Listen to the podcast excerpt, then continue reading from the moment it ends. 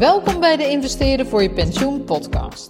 De podcast om ondernemers te begeleiden naar financiële rust met een focus op rendement, verschillende investeringsmogelijkheden en mindset. Welkom, welkom in podcast nummer 4 alweer. En deze keer gaan we het hebben over hoe je meerdere vormen van inkomsten kunt krijgen naast je pensioen. Dus we gaan er even vanuit dat je pensioen hebt geregeld. Ehm, als onderneemster dus zelf. Uh, als je in loondienst bent natuurlijk uh, via een werkgever. Um, en daarnaast zijn er natuurlijk meerdere vormen om je pensioen te regelen of inkomsten te krijgen naast dat je dat krijgt van je, vanuit je pensioen als je zo oud bent. Um, en de reden is dat um, daar heb ik in de vorige podcast over gehad. Hoeveel gaat dat waard zijn? Dus we hadden toen gehad over wat is nog je koopkracht als je uh, je pensioen krijgt. We gingen er even vanuit dat dat uh, bijvoorbeeld met 5000 euro hadden we vorige keer gerekend.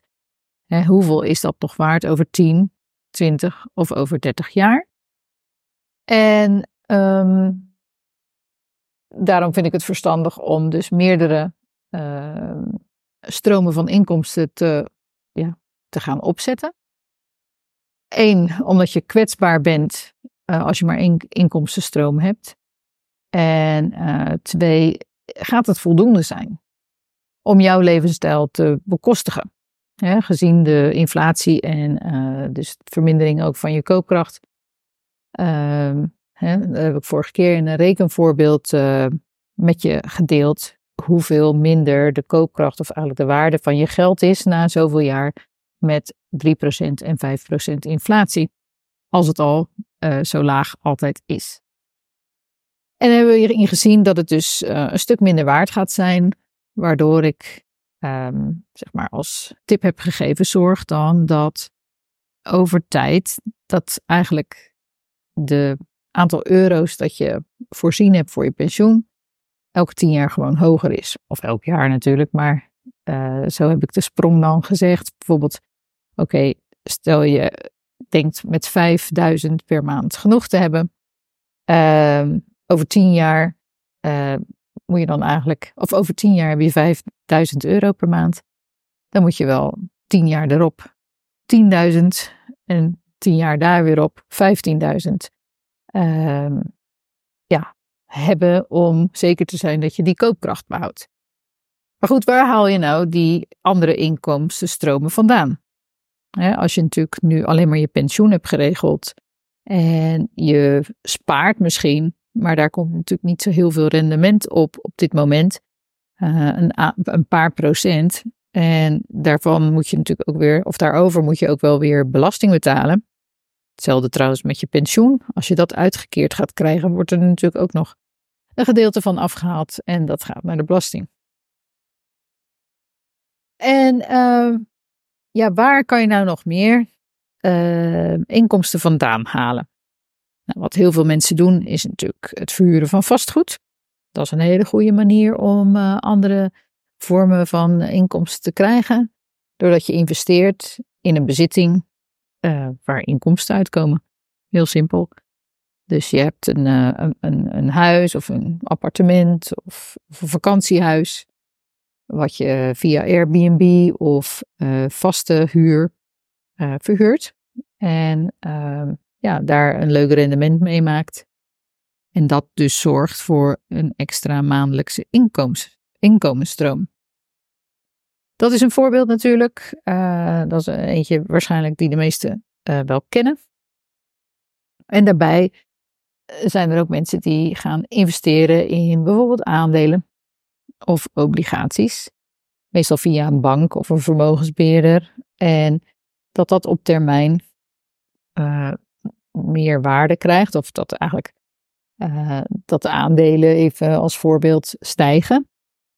En dat je dan die op een gegeven moment een gedeelte daarvan verkoopt, waardoor je inkomsten krijgt.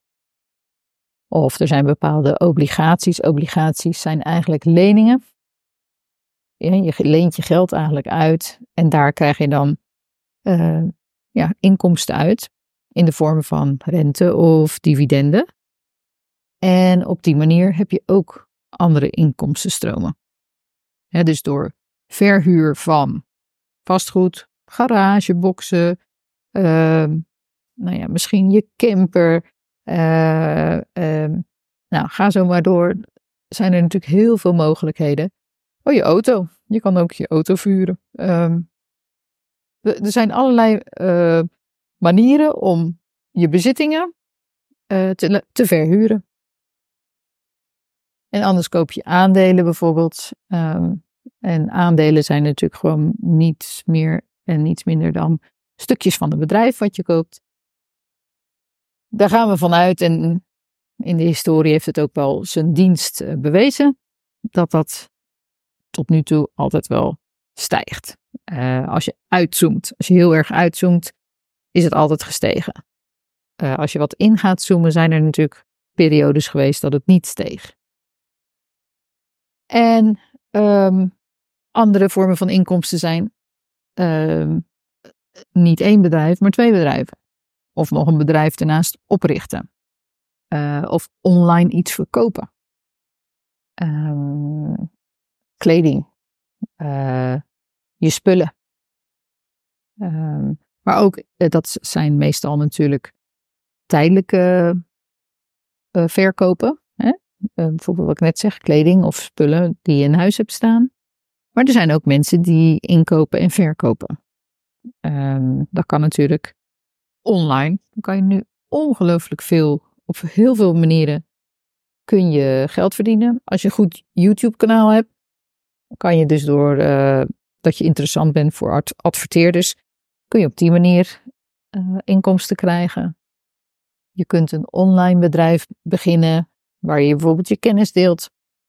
Um, en ga zo maar door. Dus er zijn heel veel manieren om uh, op een andere manier nog um, ja, inkomstenstromen ernaast te krijgen.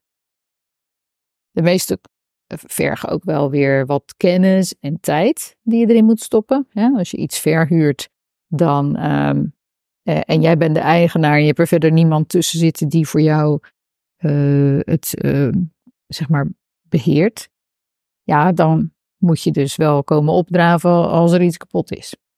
Um, onderhoud is voor jou. De belastingen zijn voor jou. dus passief inkomen met vastgoed, hmm, niet als je het in eigen beheer doet en ook zelf alles uh, moet oplossen. En er zijn ook mogelijkheden om wel in vastgoed te investeren, maar uh, meer op papier. Um, hè, als je vastgoed verhuurt, als je echt een pand hebt, dan is het in jouw bezit, dan is het echt van jou. Dan is het, ja, zeg maar in de materiële vorm.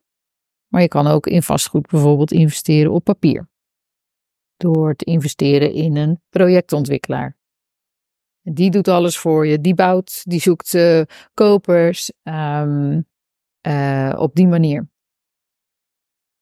En jij stopt daar je wat geld in en zij beloven jou rendement.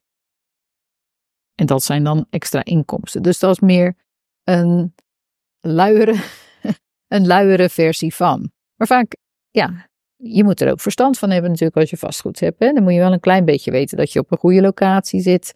Um, en alles wat daarbij komt kijken. Dus er zijn ook manieren om in de meeste bezittingen te investeren zonder dat je in de fysieke vorm investeert. En dat is natuurlijk vaak bij aandelen zo, want je koopt aandelen van een bedrijf of van een heleboel bedrijven in één potje, zeg maar, of één mandje, zoals we dat noemen. Jij bent niet uh, de baas daar, je hoeft daar niet te werken. Uh, maar je bent er ook afhankelijk van hoe zij dat dan voor jou doen. dus ja, uh, is het niet van jou, dan ben je ook wat uh, afhankelijker ervan, van de resultaten van een ander. Maar je besteedt er natuurlijk ook geen werk aan. Dus dat zijn allemaal manieren om toch te kunnen investeren in dingen die um, ja, inkomsten genereren. Een extra inkomstenbron zijn voor jou. Uh, ofwel steek je er veel tijd in, energie en kennis, ofwel kan je het op een iets simpeler manier doen.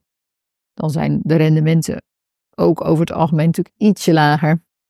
Uh, om, ja, omdat jij dan niet al het werk erin steekt.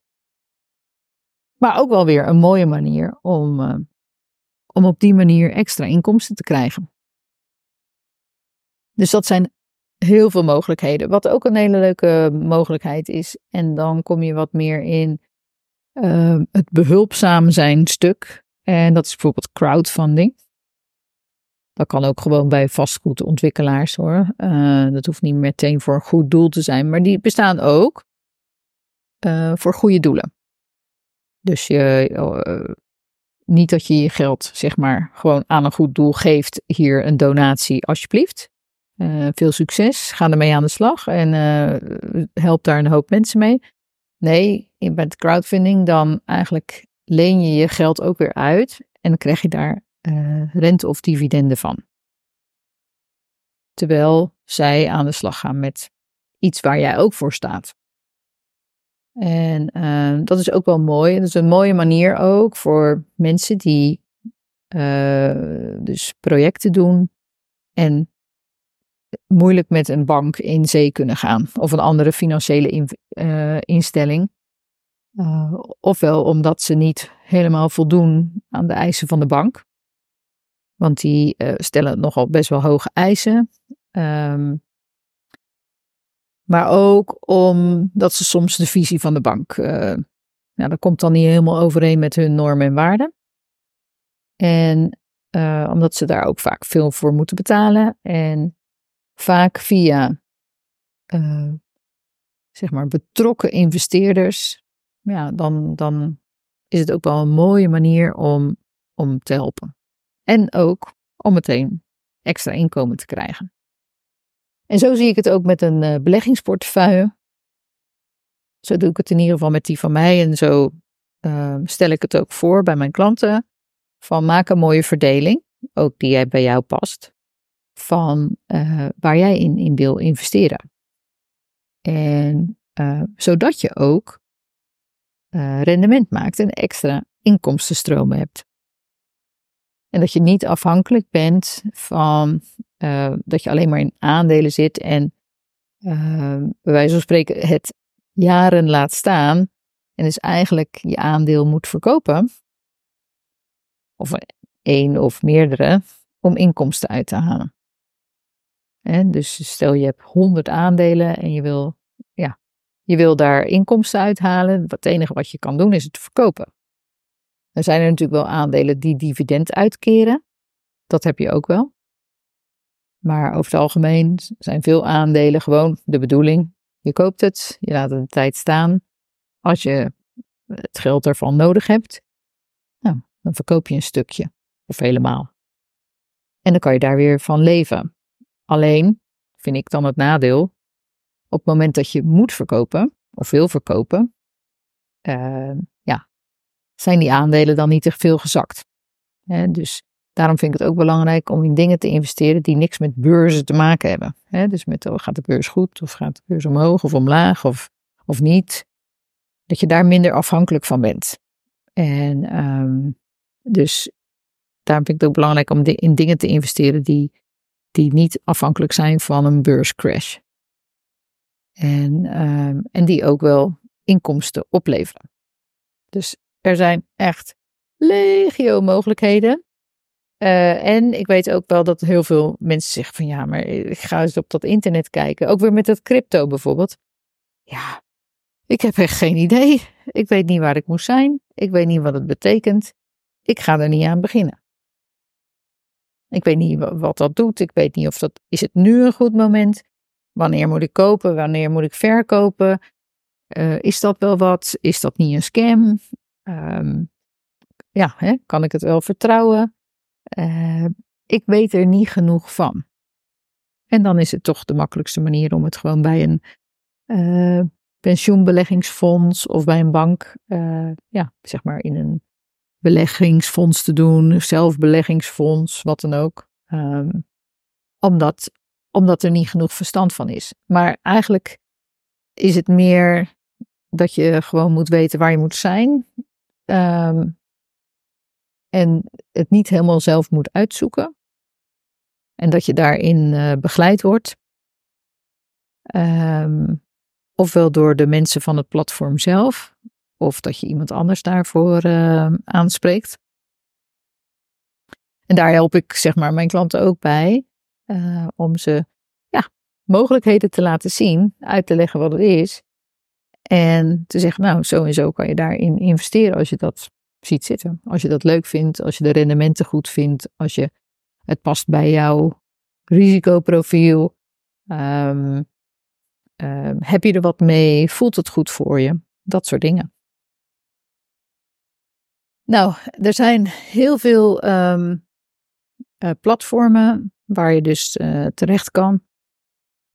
en daarom is het ook wel belangrijk om het geld wat je bijvoorbeeld wel uh, snel nodig hebt of binnen een half jaar. Want eigenlijk moet je het zo zien dat als je gaat investeren, is het beter dat je uh, het gedeelte waar je echt hoge rendementen op wil krijgen, dat je dat eigenlijk vijf jaar niet nodig hebt. En dat is gewoon het veiligste idee ook. Want stel dat het even naar beneden gaat, bijvoorbeeld aandelen, hè, de, de prijs daalt. Ja, dan is het niet fijn als je het dan op dat moment moet verkopen, omdat je geld nodig hebt. En daarom is het wel goed om, hè, je krijgt heel weinig rente op je bankrekening. Om dus het geld wat je eh, wat sneller nodig hebt, om dat toch ergens op een kapitaaltermijnrekening neer te zetten waar je meer rente krijgt. En de banken worden nu wel een beetje wakker. Die hebben heel erg lang geprofiteerd van het feit dat wij hele lage rentes kregen. En zij zetten het weg tegen veel hogere rentes, want zij wisten wel waar ze moesten zijn. Hebben ze ongelooflijk veel geld verdiend uh, al die laatste jaren. En, uh, maar nu snappen ze wel dat heel veel mensen dus hun geld weghalen. Waardoor ze nu uh, hogere rentes vaak bieden. Ik krijg regelmatig mailtjes van de banken van, oh, u moet, als u nieuw kapitaal bij ons stort, krijgt u nou, 3% of zo. Want ze zien ook wel dat, dat er een leegloop is van mensen die natuurlijk daar bij een banken weghalen en het ergens anders neer gaan zetten. Ze zien het ook heel erg naar de cryptowereld uh, verdwijnen. Ja, dan is het wel handig dat je daar eerder op inspeelt natuurlijk. Maar goed, het was natuurlijk makkelijk geld verdienen en nu zien ze in één keer van oeps, er gaan te veel mensen weg. We moeten even iets uh, iets terug uh, gaan herstellen in de vorm van hogere rentes.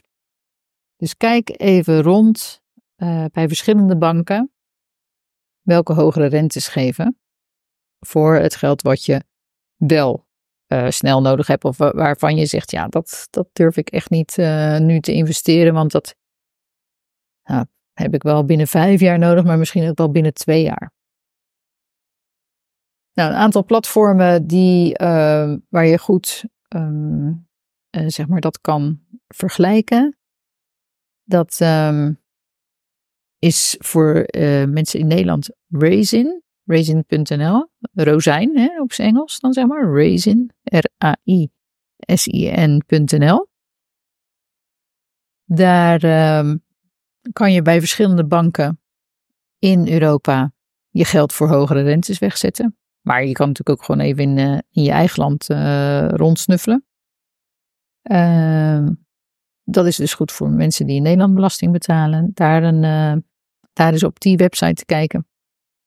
Of gewoon bij je eigen bank of andere banken.